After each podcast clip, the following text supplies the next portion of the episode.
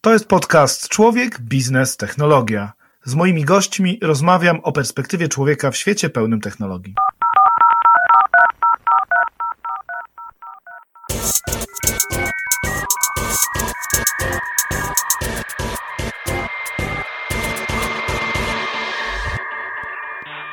Dzień dobry, Tak. Ewa. E, Dodam, że nasza rozmowa jest nagrywana. E, Dzwonię, ponieważ zarejestrowali się Państwo w naszej usłudze e, pozwalającej na automatyczną płatność za przejazd autostradą i zauważyłam, że nie uzupełnili jeszcze Państwo danych karty. Chciałabym zapytać, jak mogłabym w tym Państwu pomóc? Nie, wie pani, nie, ja generalnie ściągałem aplikację, żeby jakby poznać em, sposób rozwiązania i porównać różne rozwiązania, które umożliwiają. Jakby już widzę, że państwa aplikacja jest wy, wygodniejsza, że tak powiem, od konkurencji, także gdy tylko będę, będę miał potrzebę skorzystać, to z pewnością e, dodam kartę. Zaskoczeni takim początkiem odcinka? Być może, ale to jest właśnie nasza rzeczywistość. Tak, coraz więcej naszych rozmów z call center do tej pory, e, coraz więcej z nich zamieniane jest na rozmowy z maszynami. Pytanie jest takie, jak długo jeszcze będziemy mogli odróżnić automat od człowieka? E, Dzisiaj do studia zaprosiłem Dawida Wójcickiego, założyciela VSA i będziemy rozmawiali o tym, jak Polacy rozmawiają z maszynami, o tym, czy te rozmowy różnią się mm, od tego, w jaki sposób rozmawiamy z Amazonem, w jaki sposób rozmawiamy chociażby z usługami Google'a, o tym, w jaki sposób usprawniać procesy biznesowe za pomocą tak zwanych hostów. Porozmawiamy sobie też o tym, czym takim host jest. E, I troszeczkę o przyszłości. Jak długo jeszcze będziemy w stanie odróżnić automat od człowieka i jak blisko jesteśmy do testu Turinga, także w języku polskim. Cześć Dawid, dzień dobry. Cześć, dzień dobry, witam Państwa. Z chęcią na te wszystkie tematy wypowiem się szczerze jak na spowiedzi. Zacznijmy od tego, muszę powiedzieć szczerze, nienawidzę IVR-u. Szczerze nienawidzę IVR-u i dosłownie wczoraj miałem taką sytuację, gdzie e, zamówiłem części do roweru. Niestety się zepsuł, bardzo mi zależy na tym, żeby przyszły. Niestety kurier odbił się od zamkniętego mieszkania i musiałem w jednej z dużych firm, międzynarodowych firm e, przewoźniczych załatwić tę sprawę. Chyba po 15 menu, w którym musiałem wyklikać, naprawdę miałem ochotę rzucić tą słuchawką. Już chciałem porozmawiać z człowiekiem. Koniec końców mi się udało. Z człowiekiem załatwiłem tą sprawę bardzo szybko. Zakładam, że właśnie mniej więcej wokół tego bólu zbudowaliście swój biznes.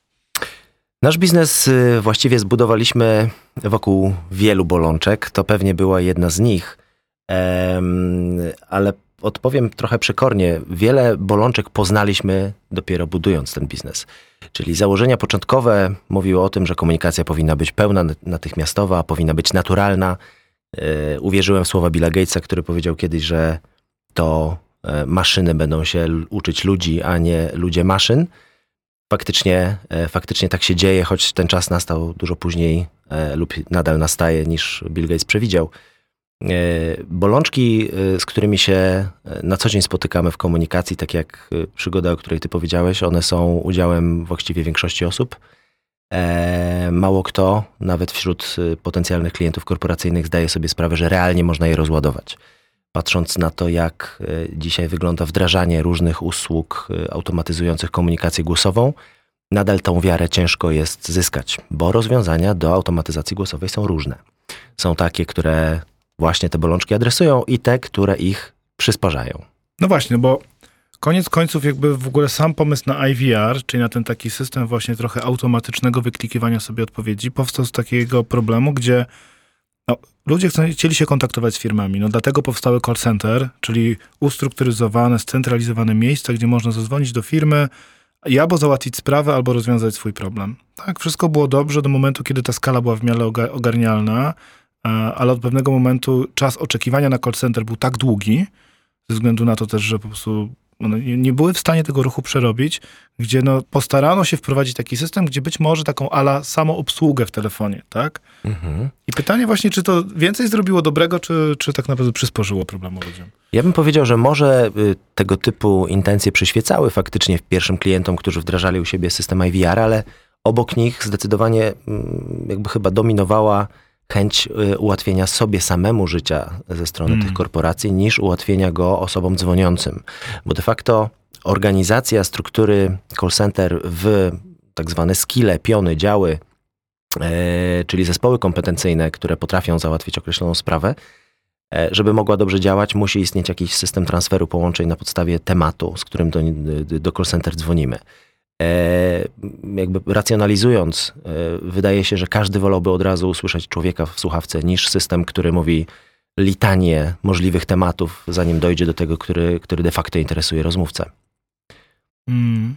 No właśnie, czy chcę od razu usłyszeć człowieka? Tak jak to powiedziałeś, to się tak właśnie zastanawiałem, Gdybym miał taki system, gdzie mogę trochę bez emocji, ale skutecznie załatwić swoją sprawę, nawet nie rozmawiając z człowiekiem, to pewnie byłbym happy. Prawda? Mm, pewnie tak, ale musiałbyś rozmawiać. Mhm. Samo naciskanie, y, jakby my jesteśmy zbyt leniwi dzisiaj na naciskanie. Ja tobie w ogóle gratuluję, że e, do takiego zaawansowanego poziomu IVR-a dotarłeś, bo nie każdy, e, nie każdemu się udaje. No, ja naprawdę byłem zmotywowany, żeby załatwić tą sprawę. No właśnie, ale wiesz, bo cały czas się tak zastanawiam, gdzie jest ta granica między tym, że chcę, że oczekiwanie ludzi jest, że załatwię sobie sam ten self-service, a między tym, że naprawdę chcę z kimś porozmawiać. Mhm. Tak? Ja myślę, że oczekiwanie ludzi jest takie, że nie chcą się zastanawiać za dużo, mhm. nie chcą myśleć, nie chcą do swojego i tak skomplikowanego życia do, dorzucać kolejnych problemów, wyzwań i zadań. A już jeżeli nawet chcą, to na pewno nie w kategorii, gdzie jest moja część od roweru. Myślę, że ludzie chcą, aby cały świat wokół nich ułatwiał ich życie i czynił go je prostszym.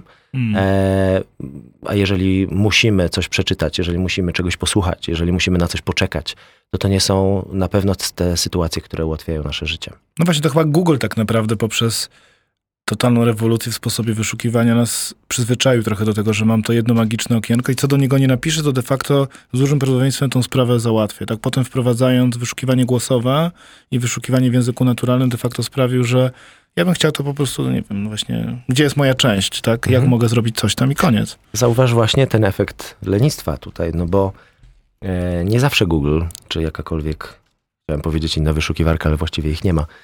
E, usługa, wyszukiwanie na stronach, dajmy na to. Nie zawsze zwróci ci takie wyniki, które, których oczekujesz. Czasami zdarzy się, e, że, że właśnie masz problem ze znalezieniem tego, czego szukasz, e, pomimo tego, że te usługi działają zazwyczaj dość profesjonalnie. E, I właśnie stąd, że mimo tego, że tego nie znajdujesz, ale jednak nie, nie masz takiej woli i ochoty szukać tego gdzie indziej, powstało to powiedzenie, że jeżeli nie macie na Google, to nie istniejesz. Hmm. Dlaczego? Bo ta osoba, która na Google cię nie znalazła, rzadko kiedy będzie szukała cię gdzie indziej. To jest właśnie to lenistwo. Okej, okay, no mamy to lenistwo. No w Google jest troszeczkę tak, że ja poszukuję jakiejś informacji, to jest raczej w procesie eksploracji, nie wiem, właśnie dokonywania wyboru i tak dalej.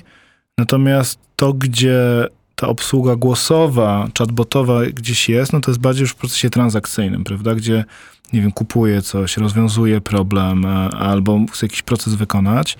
Staram się trochę cofnąć do, do przeszłości, prawda? No jakby takie pierwsze elementy trochę automatyzacji, ale w ludzkim takim stylu bym powiedział, no to były pierwsze awatary wideo i chatboty, tak? To pewnie to są te pierwsze elementy takie, gdzie jeszcze może nie w takiej pełni naturalnym językiem, ale już miałem to imitację człowieka. Ja bym powiedział, że to były pierwsze próby humanizacji, mhm. natomiast nie za wiele miało to wspólnego z automatyzacją, jeżeli w ogóle cokolwiek.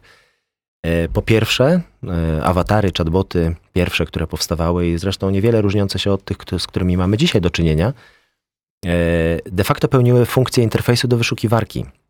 Czyli na przykład na stronie jednej z instytucji państwowych mogłeś zadać konkretne pytanie o stawki ubezpieczeniowe, a otrzymywałeś ścianę tekstu. I masz i to sobie teraz wyczytaj, bo może w tej ścianie tekstu trafiliśmy z odpowiedzią na Twoje pytanie. To jest dokładnie tak, jakbyś to wpisał w Google. Tyle, że Google dałby Ci o wiele bardziej precyzyjną e, odpowiedź. Tak, e, bezstanowo zazwyczaj działają właśnie chatboty. Awatar na stronie internetowej to w ogóle jest odważna e, koncepcja, dlatego że jednak jeżeli patrzymy z punktu widzenia customer experience, to nikt nie przychodzi na, na, na stronę internetową, żeby sobie pogadać z awatarem. Nie? Tam jednak nasze oczy, e, nasza intuicja, a właściwie te 5% uwagi, które jesteśmy w stanie przeznaczyć na nawigację po stronie internetowej, raczej szuka e, konkretnego tekstu, napisu guzika, mm. jakiegoś call to action, które, które załatwi nam sprawę w krótkim terminie. Jeżeli teraz przychodzi awatar i mówi stop, stop, stop, mów do mnie, bo ja będę mówił do ciebie to człowiek ma, jest lekko skonfudowany, a nie tego wrażenia się spodziewał. No, jeszcze szczególnie jak jest na telefonie komórkowym, musisz sobie to odsunąć, żeby tego awatara oglądać. tak, to wtedy, znaczy on może, ten użytkownik, podjąć oczywiście interakcję z awatarem, ale zmienia się temat, y, delikatnie rzecz biorąc, Tak. rozmowy. No to też było ciekawe, no bo te awatary się pojawiły tak pewnie z 15 lat temu już, tak sobie myślę, no może z 12. Coś Tak. koło tego. Tak, no Mhm. w Polsce też było kilka firm, nie wiem, IntelliWise no pierwszy z tym Mhm. wchodził i tak dalej. I ja pamiętam te pierwsze takie głośne dyskusje i gorące dyskusje, komu się udało śmieszyć tego awatara. Mhm. Komu się udało tam trochę oszukać i udowodnić właśnie, że to jest maszyna. Czy, czy, No czy, jest. a- a nie słyszałeś dyskusji, komu udało się znaleźć informację kontaktową albo cenę produktu za pomocą awatara? Tak, ja Pewnie nie, bo No. właśnie, właśnie tego on nie umożliwiał. No ja pamiętam awatary na stronie ZUS-u, ale nie wchodźmy. Jakby, Mhm. To były ciekawe czasy, ale to były też te czasy, które otworzyły trochę dyskusję właśnie, jak wykorzystać technologię do, do tej humanizacji kontaktu. Tak myślę, że potem, potem się jednak trochę rzeczy nawet w chatbotach zaczęło zmieniać.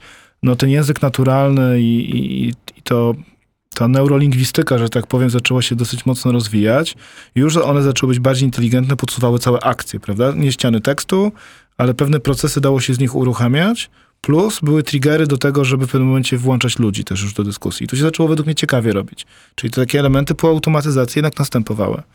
No tak, ale z drugiej strony, jeżeli spojrzymy na koncepcję Zuckerberga, e, to jego chatbot to jest de facto e, IVR, o którym mówiliśmy na samym początku, przeniesiony do interfejsu dotykowego. Nie? Więc dzisiaj pojęcie chatbota no, mi będzie się kojarzyło e, ze względu na mm, swój wiek i doświadczenie, jakie, jakie zdobyłem, z czymś, z czym rozmawiamy, czatujemy. Tym był czat kiedyś, prawda? A nie, ale młodych, młode pokolenia, y, założyciel Facebooka uczy, że jednak chatbot to jest po prostu dotykowy interfejs, który ogranicza spektrum wszelkich możliwych akcji do niezbędnego minimum i jakby predefiniowane ścieżki, zresztą mało rozwinięte, y, umożliwia, żeby nimi przechodzić, nie?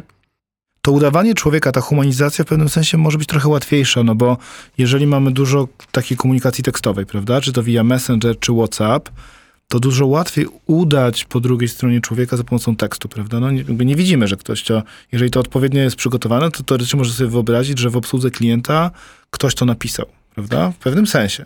Powiem tak, ym, wydaje mi się, że ludzie mają coraz mniej czasu na pisanie. Mhm. Oczy, znaczy i tak i nie. No bo z jednej strony coraz więcej piszemy ze swoimi znajomymi, ale z drugiej strony, czy wyobrażasz sobie, że zgłaszasz szkodę pisząc?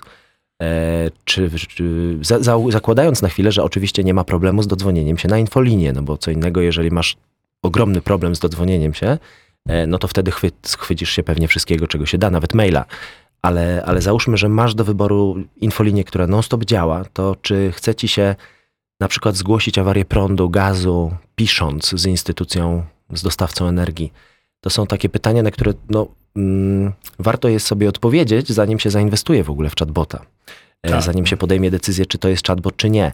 Język komunikacji e, pisemnej, pisanej jest e, wymagający, wymaga czasu, wymaga uwagi, e, wymaga specjalnych okoliczności, nie możesz jechać samochodem. Mhm. Wymaga wszystkiego tego, czego człowiek jest w stanie coraz mniej dawać. To jest właśnie pewnie kwestia kontekstu, prawda? No to dobre przykłady, które podałeś, tak? Jeżeli jadę samochodem, no to przynajmniej oficjalnie nikt nigdy nie powinien pisać na telefonie. Tak, no to jest jakby bezsprzecznie to wpływa na bezpieczeństwo, na uwagę, etc. W związku z tym interfejs głosowy, sterowanie czy samochodem, e, czy funkcjami telefonu, no pewnie dużo łatwiej powiedzieć właśnie, nie wiem, hey Google, tak, czy tam hey Siri, hey V o, i tak dalej, załatw mi sprawę.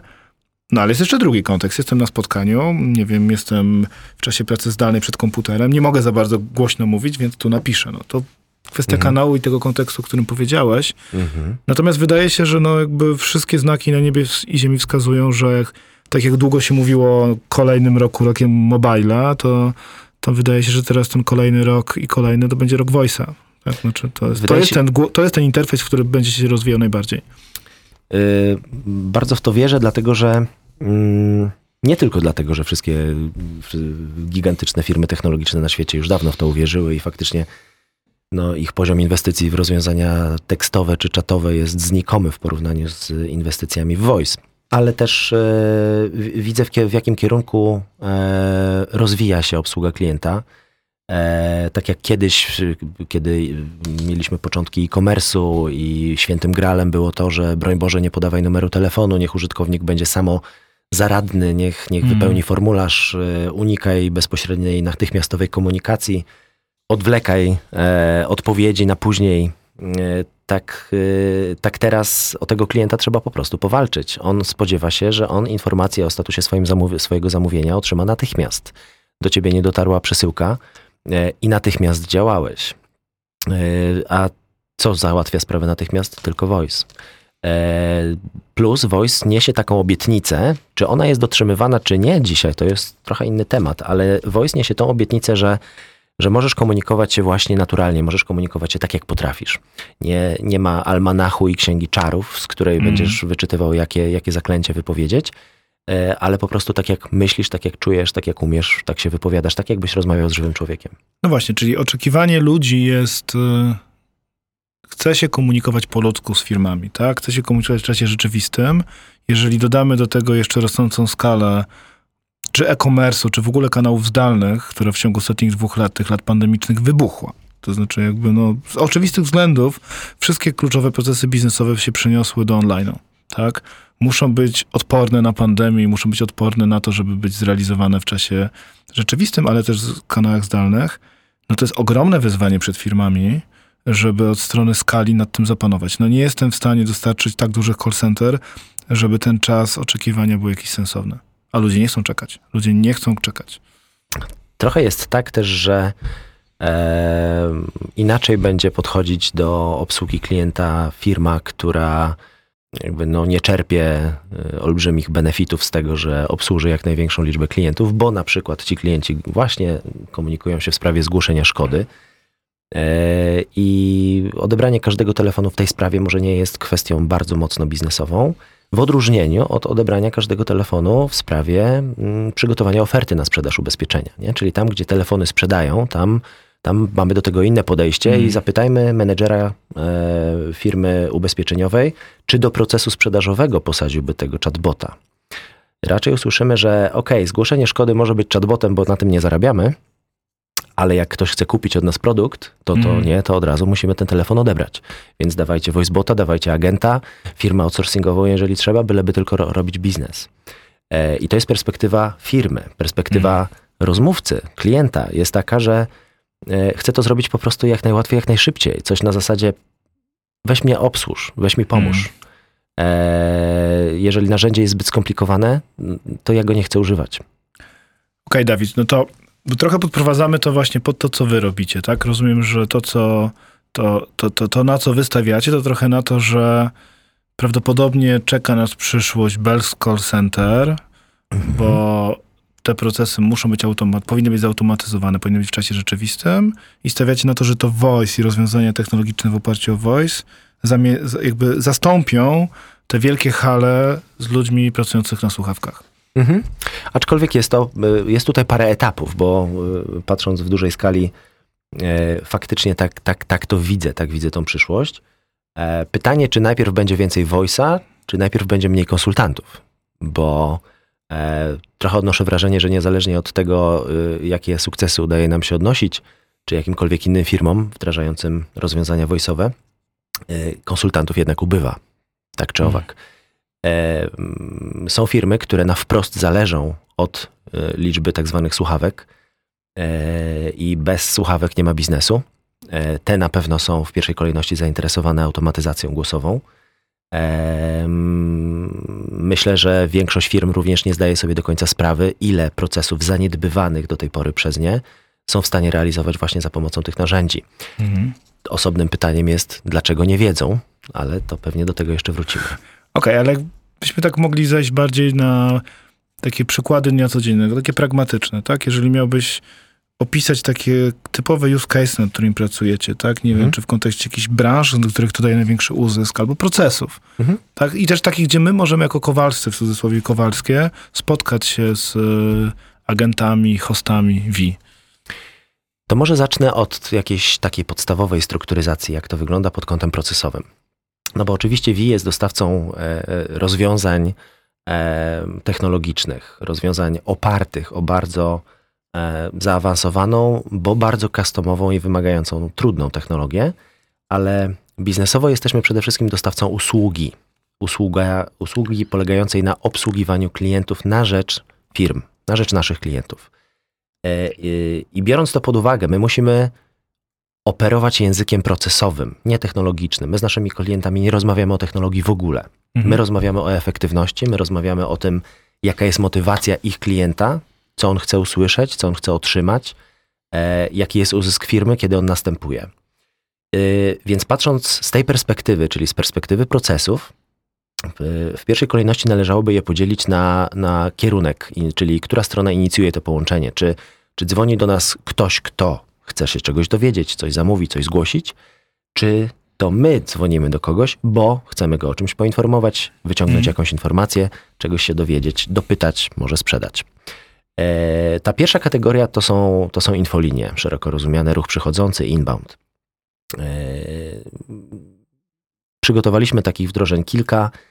E, zreplikowaliśmy część z nich w ten sposób, że mamy de facto kilkadziesiąt y, wdrożeń różnych infolinii.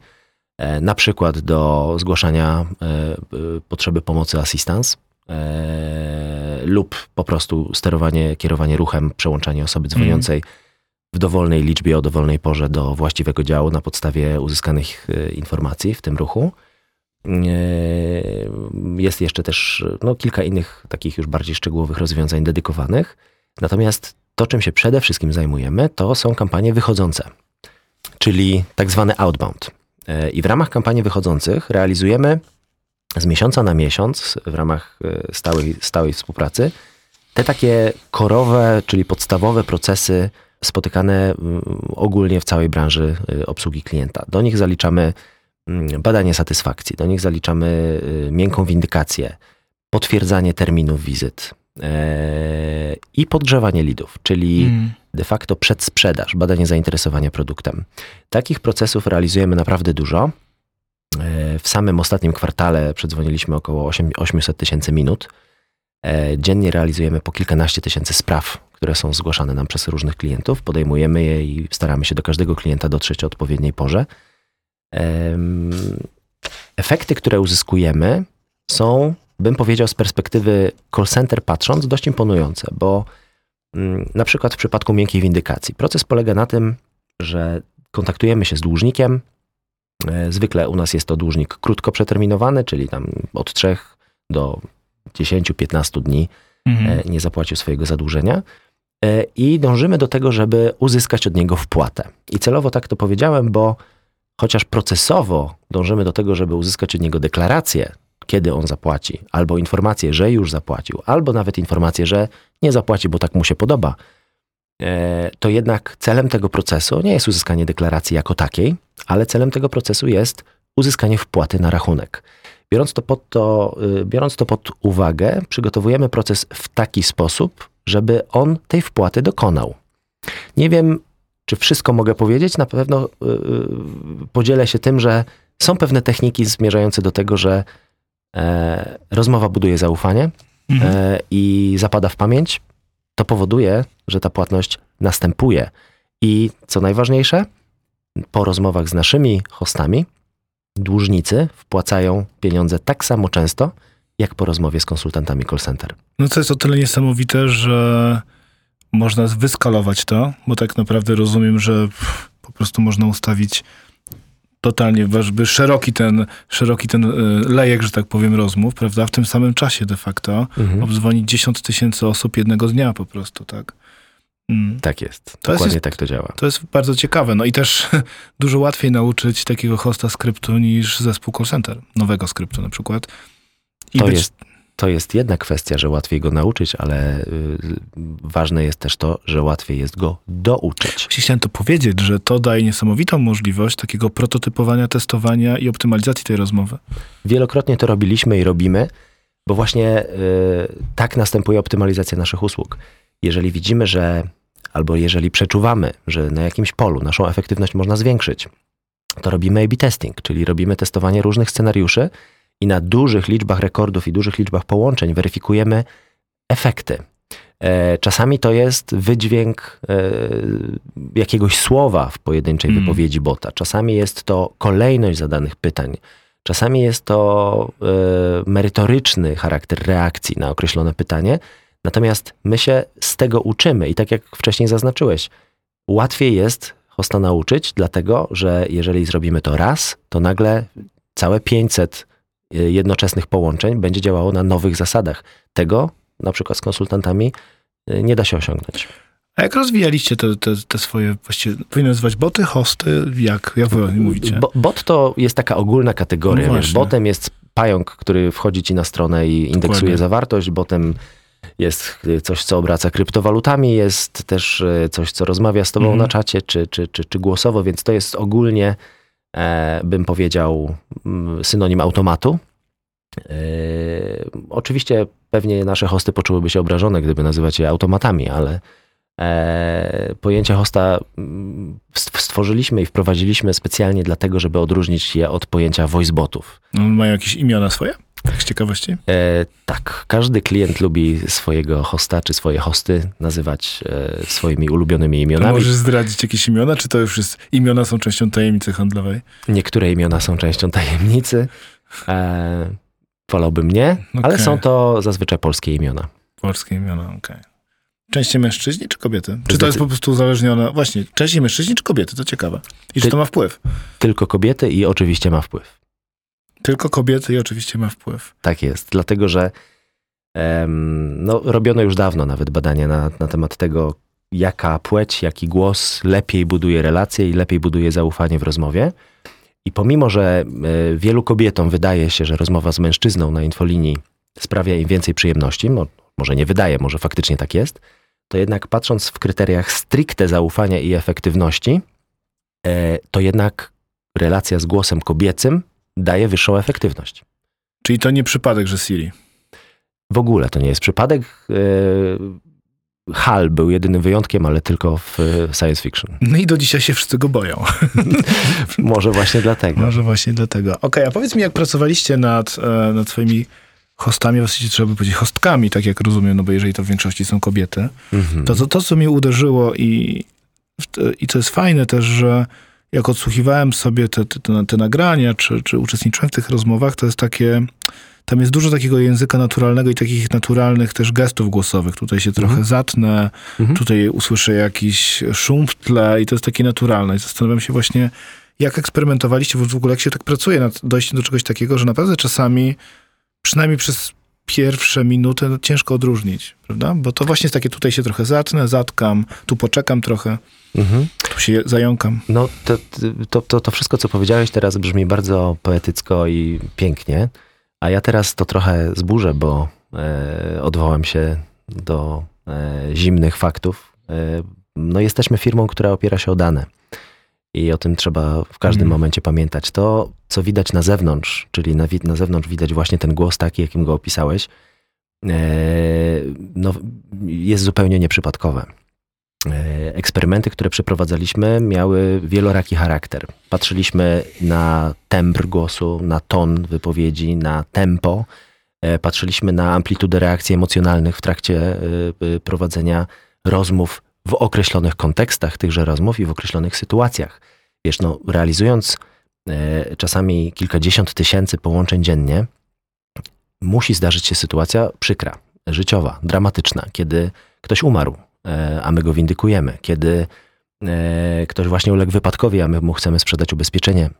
E, Od tego nie uciekniemy i e, szybko nauczyliśmy się, że nasze hosty muszą zostać wyposażone w reakcje emocjonalne, bo jednak nasze hosty są twarzą firm, które nam zaufały i z którymi współpracujemy. E, Zauważyliśmy też, że mm, obaliliśmy e, ileś stereotypów czy wyobrażeń na temat tego, jak powinien bot brzmieć, albo w ogóle jak powinien komunikować się konsultant. E, Z profesjonalnym głosem konsultanta eksperymenty prowadziliśmy 5 lat temu. Nie performował tak dobrze, jak właśnie ten głos z zabiegami. E, Mhm. Dlaczego? Dlatego, że e, profesjonalny konsultant nie buduje zaufania. Jest wiele obserwacji, które, które y, mamy na koncie, y, do których dochodziliśmy e, właśnie drogą wieloletnich eksperymentów. E, Mamy rozbudowany dział Quality Assurance w firmie, który właśnie tym się zajmuje, czyli wyłapywaniem pierwszych tez, e, a może warto byłoby wypowiedzieć to inaczej, innym głosem, e, a może o, nasza efektywność nie jest tak wyśrubowana, jakbyśmy się spodziewali na określonym etapie, właśnie dlatego, że zbyt ogólnie podchodzimy na przykład do niektórych pytań i Mhm. powinniśmy podejść do nich bardziej szczegółowo. E, to, co nas wyróżnia w tym kontekście również, to to, że każdy proces, y, jaki klienci z nami y, robią, e, on żyje. Czyli nie jest tak, że e, klient nam mówi, zróbcie tak i tak, my to robimy i temat zostawiamy, tylko my dostrzegamy e, możliwości rozwoju lub problemy znacznie szybciej niż dostrzega je klient. Mhm. Właśnie dlatego, że to my robimy ten supervising, to my patrzymy, co się dzieje na, na infolinii. Mhm. Wspomniałeś o tych emocjach, trudnych emocjach. Zakładam, że te emocje mogą być i trudne, ale czasami też bardzo przyjemne. Tak? Oczywiście. No, w skali pewnie tej gaussowej będziesz miał i te najtrudniejsze, i te najprzyjemniejsze emocje tam. Więcej mamy przyjemniejszych. Mhm. E, czasami nasi rozmówcy życzą miłego dnia, e, dziękują, życzą szybkiego zaszczepienia, a jeżeli trafiamy w święto państwowe, to nawet i życzenia z okazji Dnia Kobiet się pojawiają. Ekstra. To jest... No właśnie, ale wiesz, zastanawiam się, są takie momenty czasami wybuchów, prawda? No i czasami też ludzie się naprawdę orientują, że, znaczy myślę, że często się orientują, że jednak rozmawiają nie z człowiekiem, prawda? Tylko, tylko z maszyną. I czy w ogóle wy zakładacie taką sytuację, czy mieliście takie doświadczenia, że warto do procesu wprowadzić taki moment, kiedy jednak wchodzi człowiek z interwencją? Czy one są end-to-end po prostu maszynowe i nie ma w ogóle takiego, wiesz, scenariusza, kiedy się pojawia nagle, wiesz, supervisor, manager, ale człowiek? E, Rozumiem doskonale Twoje wyobrażenie, bo też mógłbym je takie mieć, e, gdybym z niektórymi botami dostępnymi na rynku porozmawiał. E, Ale jakby od kuchni to wygląda zupełnie inaczej u nas, bo mm, po pierwsze nie jest tak, że większość ludzi się orientuje, że rozmawia z botem. Zdecydowanie jest to mniejszość. E, ogromna większość ludzi jest przekonana, że rozmawia z człowiekiem. Nawet jeżeli przedstawimy się, że jesteśmy wirtualnym asystentem, inteligentną asystentką, wirtualnym doradcą, to nie są słowa, które zapadają w pamięć rozmówcy. E, on słyszy ten głos, widzi ten poziom interakcji, widzi trafność odpowiedzi i na tej podstawie, na zasadzie odruchów, instynktów, e, on automatycznie komunikuje się z nami tak jak z człowiekiem. E, momenty wybuchów właściwie nie następują, są one bardzo sporadyczne. E, z uwagi na to, że mm, nasz bot, on potrafi udawać emocje, potrafi pokazywać emocje, ale nie potrafi nad nimi nie panować. Zawsze Mm. będzie raczej pacyfikował wszelkie wybuchy gniewu, niż, e, niż y, cierpiał z powodu ego. A tu niestety y, konsultanci czasami mają tą słabość. E, Także tak to wygląda, jeżeli chodzi o emocje. Zrozumiałem przy tych, czyli za każdym razem, kiedy się kłócę z konsultantem na infolinii, to także chodzi o moje ego. No to w sumie prawda. Zwykle jest tak, że kiedy ludzie się kłócą, to ego po obu No. stronach odgrywa istotną rolę. Tak, no i to jest, to jest ciekawe, co powiedzieć. Czyli to z jednej strony właśnie panowanie nad emocjami, znaczy zarządzanie emocjami, możliwość ich emulacji, ale z drugiej strony, no faktycznie, no jakby algorytm, no tak jest zaprojektowany, jak jest zaprojektowany. Póki co. Tak. Póki co, bo wiesz, AI w pewnym momencie może sprawić, że tam to różnie może być. Wszystko się może zdarzyć yy, w przyszłości, wiadomo, natomiast, no bo de facto AI zależy od człowieka. Jak będzie AI działać, jak będzie funkcjonować, jak będzie się Przynajmniej rozwijać. tak lubimy o tym myśleć.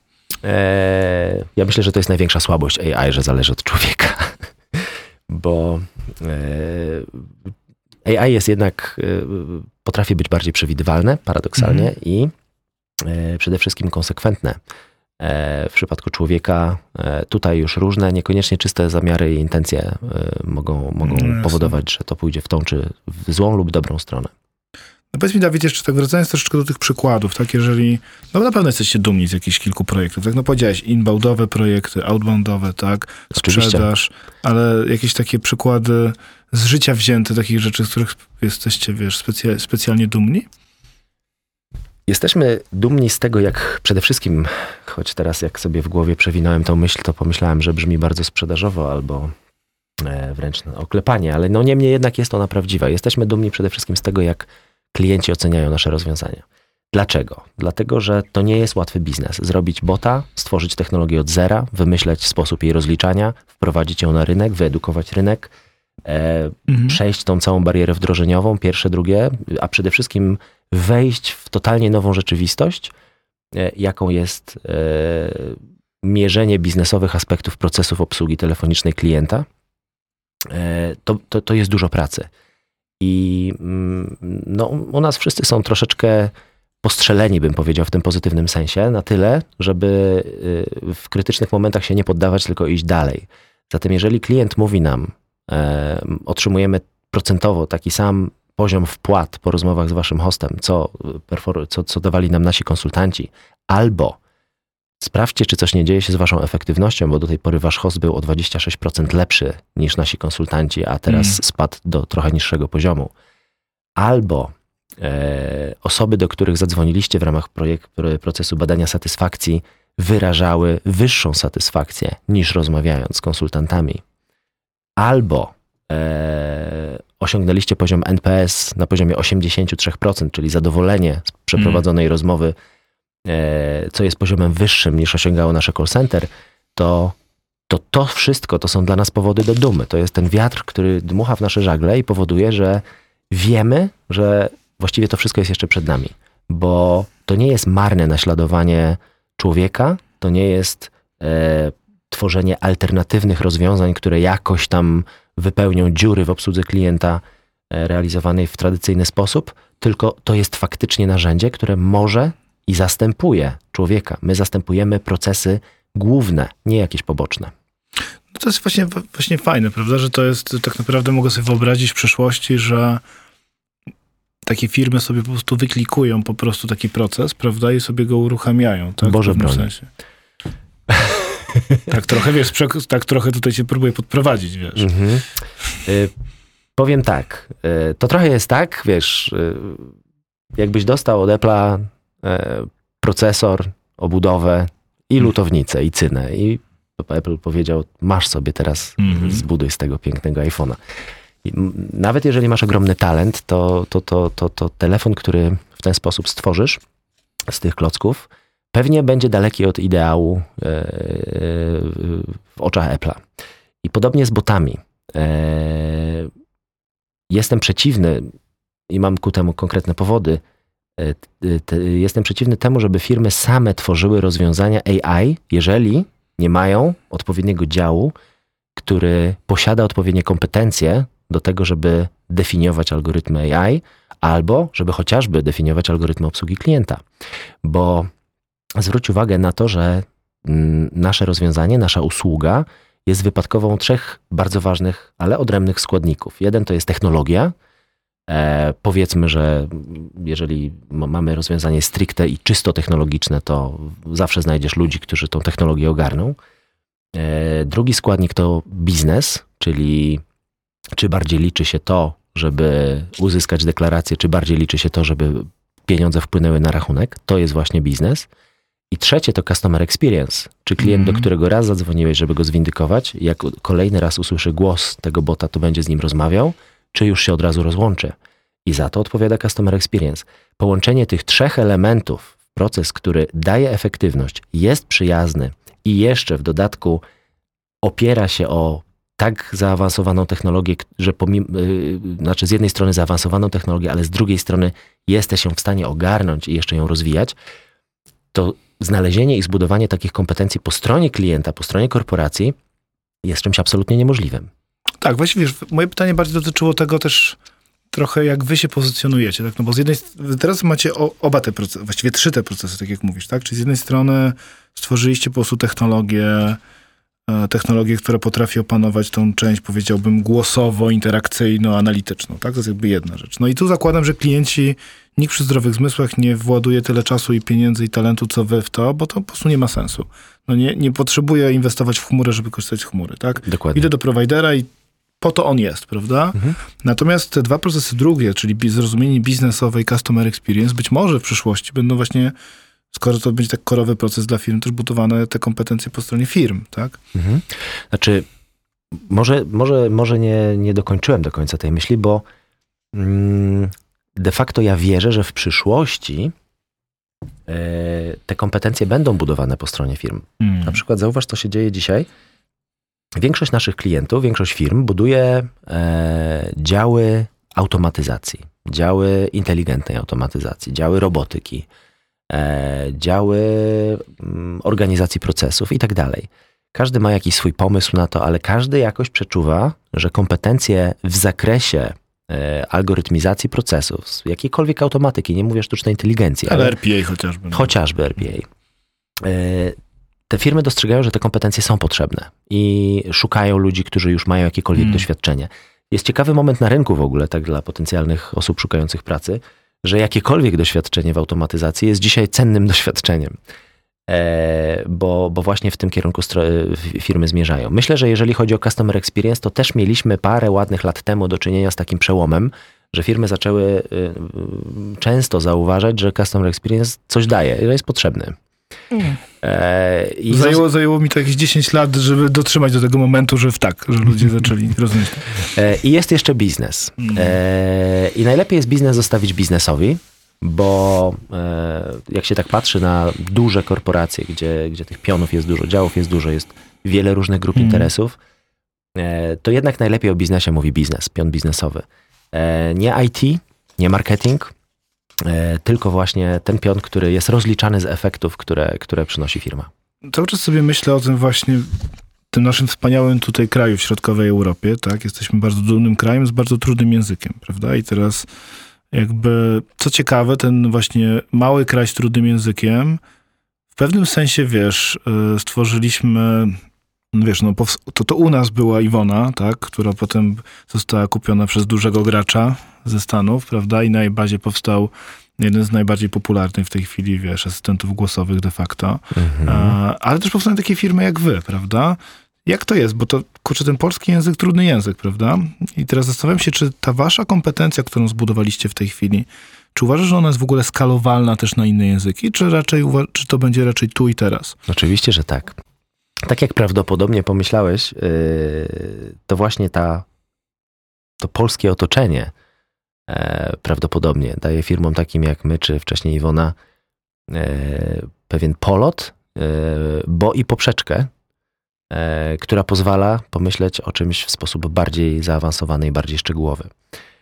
Może to jest powód, dla którego właśnie na przykład nasza usługa, a nie usługi tworzone przez Amerykanów czy, czy Niemców, e, osiągają wyższą efektywność w obsłudze klienta przez telefon, bo my wiemy, że daną myśl można wyrazić na bardzo wiele różnych sposobów, na, znacznie więcej niż w języku Mhm. angielskim czy nawet niemieckim. E, I to stoi za fundamentami albo za fundamentalnymi założeniami naszej technologii. My od samego początku wiedzieliśmy, że to nie może być technologia, która reaguje na słowa kluczowe tylko i wyłącznie. To musi być technologia, która potrafi trochę między tymi słowami czytać i która musi być gotowa na różne sytuacje. E, I właściwie to taką technologię zbudowaliśmy już e, w pierwszych latach naszej działalności. W sensie opartą o właśnie te założenia.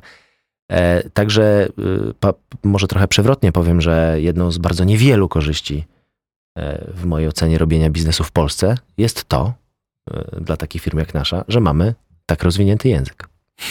To jest ciekawe stwierdzenie, bym powiedział, no bo stworzenie czegokolwiek, co ogarnia jednak polski, no zobacz, jak trudno nauczyć obcokrajowca po prostu polskiego, tak? Rozumiem, że łatwiej nauczyć komputer polskiego niż ludzi ze Stanów. Prostu- Em, Dobra, to może już nie idźmy w tą stronę. Dawid, zastanawiam się jeszcze tak naprawdę, jak ty, wiesz, a siedzisz w tym biznesie od lat, prawda, i jakby, no, tak do kości się nim zajmujesz, ale jak ty postrzegasz przyszłość, tak? Czy, czy, czy przyszłość właśnie interfejsów głosowych de facto być może oznacza przyszłość y, bez interfejsów dotykowych? Właśnie czy wszystko będzie opanowane przez głos? I właśnie jak też patrzysz na ekosystem? Czy to jest taki ekosystem, gdzie będą raczej ci duzi gracze? E, Czy będzie miejsce też na takie właśnie firmy jak wy, które, no jakby wy nie idziecie drogą Alexy, tak? Nie idziecie drogą Siri, idziecie drogą bardzo konkretnych procesów biznesowych. O, to jest y, kilka dość złożonych pytań, ale idąc od samego początku, przyszłość będzie taka, że obsługa przez żywego człowieka będzie ekskluzywna. Jeżeli usłyszysz faktycznie żywego człowieka, faktycznie interaktywnego człowieka, że on jest tu i teraz, e, to to będzie albo twój przyjaciel czy rodzina, albo, e, albo to będzie bardzo ekskluzywny proces obsługi. Na przykład będziesz kupował jacht i będziesz już na zaawansowanym etapie wyboru tapicerki. To wtedy może y, usłyszysz człowieka. W każdym innym procesie będziesz słyszał bota, hosta, e, który e, będzie do tego stopnia rozwinięty, do tego stopnia kompetentny, że komunikując się z nim, ty po prostu będziesz mu ufał. On A będę wiedział według ciebie? Tak, będziesz wiedział, dlatego że to się stanie y, w pewnym sensie chlebem powszednim. Jakby to nie będzie żadna tajemnica, że to właśnie boty z nami rozmawiają, ale sposób, w jaki boty z nami rozmawiają, też nie będzie żadną barierą. Hmm. Więc, y, bo de facto często barierą jest świadomość.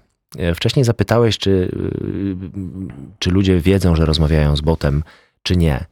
E, De facto nie to jest problemem. Problemem jest to, jakie oni mają do tego podejście, bo jeżeli bot jest na tyle sprytny, inteligentny, na, y, dobrze się wysławia, dobrze się komunikuje, rozumie, co do niego mówisz i udziela ci trafnych odpowiedzi, to nawet jeżeli się post factum albo w trakcie rozmowy dowiesz, że rozmawiasz z botem, e, to to ci nie będzie przeszkadzało. Jeżeli na początku rozmowy się dowiesz, że to będzie rozmowa z botem, uwaga, uwaga, no to ty będziesz już miał do tego złe nastawienie. Chyba, że dojdziemy do takiego momentu, kiedy na informację, że czeka mnie rozmowa z botem, po prostu powiem, uff, całe szczęście. Tak będzie. Bo będzie miał wszystkie informacje, bo będzie kompetentny i, i będzie w stanie wszystkie moje problemy rozwiązać. No i versus właśnie- człowiek, który jest od tygodnia na tej infolinii, jeszcze nic nie wie. Dokładnie tak. I widzisz, tak jak teraz sam sobie odpowiedziałeś, tak dokładnie ja wyobrażam sobie przyszłość. Że Mm. będziemy e, nauczeni tego, że boty to nie są te głupie, naiwne maszynki, które rozumieją komendy, ale że boty to są właśnie ci e, hiperrozwinięci konsultanci, którzy uczą się na bazie doświadczeń wszystkich, a nie tylko swoich własnych. I to jest jedna z ogromnych przewag AI. Okej, czyli przyszłość to, to, to procesy, w których mamy bardzo efektywne boty, w cudzysłowie cieszymy się, że możemy z nimi rozmawiać, w których interakcja z człowiekiem jest ekskluzywna. Bardzo mi się spodobało to, co powiedziałeś. To jest takie z jednej strony uderzające, z drugiej strony no takie trochę smutne też, że to będzie bardzo ekskluzywne, żeby mieć relację z żywą osobą. To, jest, to Mm. daje mi bardzo do myślenia. Jeśli podchodzisz do komunikacji z konsultantem jak do relacji.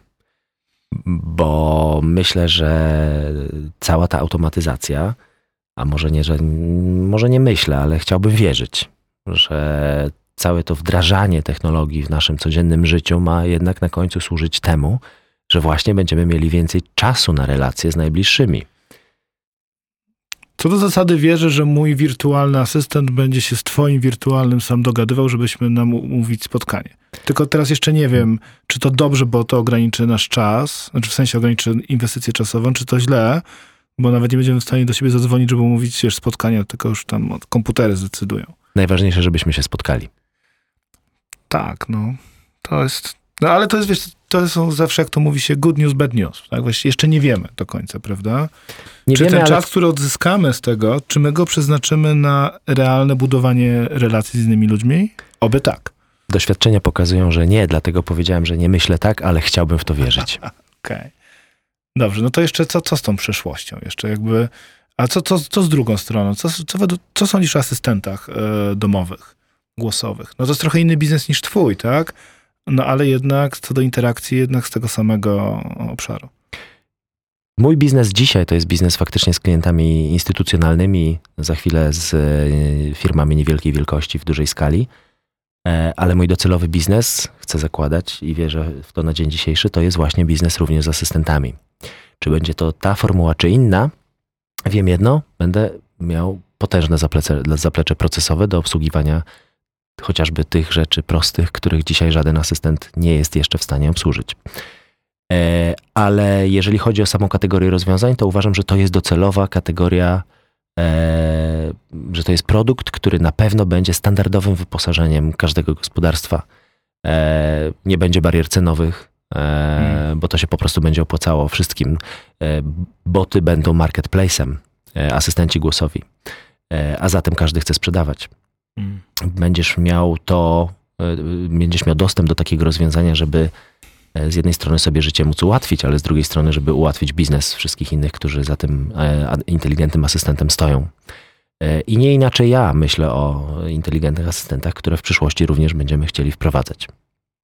Mm. To jest taka wizja właśnie przyszłości, że znów nie wiem, czy się cieszyć, czy nie. No, zakładam, że pewnie będzie ich ograniczona ilość tych takich głównych. No tak zawsze jest tak rynek skonstruowany, że będziesz miał pewnie globalnie 3-4 główne platformy i jeżeli pomyślimy o nich, że one będą głównymi marketplace'ami, no to to jest ta zła wiadomość, tak, że pytanie, na ile ten rynek będzie wtedy ograniczony, tak, no bo wyobraźmy sobie, że w domu, w którym jest asystent, powiedzmy, Amazona, tak, na sekundkę, no to ciężko mi sobie wyobrazić, że oni bardzo otworzą ten marketplace tak, że każdy będzie do niego dostęp. Będą domy Google'a, będą domy kogoś tam i tak dalej. Jeszcze nie wiemy, których firm, prawda? Ale chyba niezależnie od wszystkiego, tak czy owak w tą stronę e, to idzie. Z jednej strony, z drugiej strony cały czas jednak mamy coraz dłuższy ten tak zwany long tail, Hmm. czyli dostarczanie ekskluzywnego, bardzo niszowego i segmentyzowanego kontentu będzie również e, wartością e, dość powszechną. Tego należy się spodziewać, co nie oznacza, że nie będzie to wartość w rękach policzalnej liczby określonych graczy, bo rynek się globalizuje i na pewno nie będzie wyjątkiem rynek a- Mm. inteligentnych asystentów. No dobra, to ostatnie pytanie. Ulubiony film z wizją przyszłości technologicznej? Pasażerowie. Pasażerowie. W tym kontekście cały czas mam przed oczami Her, jak czas Ja wiem, rozmowy. pewnie tej odpowiedzi się spodziewałeś. Dlaczego? Nie, nie, nie, ten, ale tak rozumiem, że tam jest to przedstawiona taka wizja romantyczna i smutna Mhm. i wesoła jednocześnie, no więc no. E, Dlaczego lubię pasażerów? Dlatego, że e, jeżeli ktoś będzie oglądał w najbliższym czasie ten film, a polecam, e, choć może fabuła nie jest e, na pierwszy rzut oka optymistyczna, to jednak każde zastosowanie, każdy przykład interakcji z, ze sztuczną inteligencją e, jest wykonalny już dzisiaj. To jest film, w którym w odróżnieniu od Her, każda interakcja z AI jest realna. W przypadku Her tam jest bardzo dużo e, jakby takich e, marzeniowych podejść. W sensie nie, że technologicznie jest to niemożliwe, tylko na przykład niektóre z tych interakcji są po prostu źle zaprojektowane albo bezzasadne. W przypadku pasażerów ktoś zrobił bardzo profesjonalnie tą pracę. Mm, no, do Her to jeszcze nam brakuje interfejsu z mózgiem jednak, prawda? To jest jeszcze, to tam Elon musi troszeczkę przycisnąć w Neuralinku i może Aha. będzie możliwe. To już tylko chwila. Oby nie. Jednak ja jestem takim techno optymistą, ale umiarkowanym. Jednak chciałbym, być może jeszcze za mojego życia to się nie wydarzy, ale jednak chciałbym, żebyśmy mieli taki zteknologizowany ludzki świat i to jest, to jest moje marzenie. No. Ja myślę, że można ufać technologii, ale nie zawsze trzeba ufać ludziom, którzy ją wdrażają. Bardziej o tym właśnie myślę. Tak? No, technologia sama w sobie, ona nie jest ani dobra, ani zła. No, ona jest po prostu taka, jaką człowiek stworzy. I to jest oczywiście pytanie, jakim jesteśmy. Ale to już na inną rozmowę, Dawid. Mam nadzieję, że też na naszą kolejną. Bardzo Ci dziękuję. E, dodamy do tego odcinka, jeszcze nie końca nie wiem, ale dodamy, będziemy ją przeplatać e, kilkoma przykładami. E, jestem bardzo ciekaw Waszej opinii. Też e, dajcie na LinkedInie w komentarzach znać, jakie są Wasze doświadczenia z botami, z hostami. E, które były dobre, które były złe. Bardziej interesują mnie te dobre. No i jestem bardzo ciekaw, co nam przyniesie przyszłość. Dzięki, Dawid. Dzięki bardzo.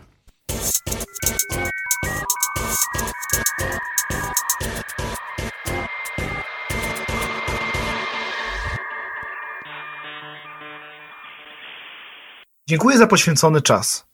Ten oraz inne odcinki podcastu Człowiek Biznes Technologia znajdziesz na stronie Deloitte.com oraz na najpopularniejszych platformach podcastowych takich jak Spotify, Apple Podcast, Tidal czy Google Podcast.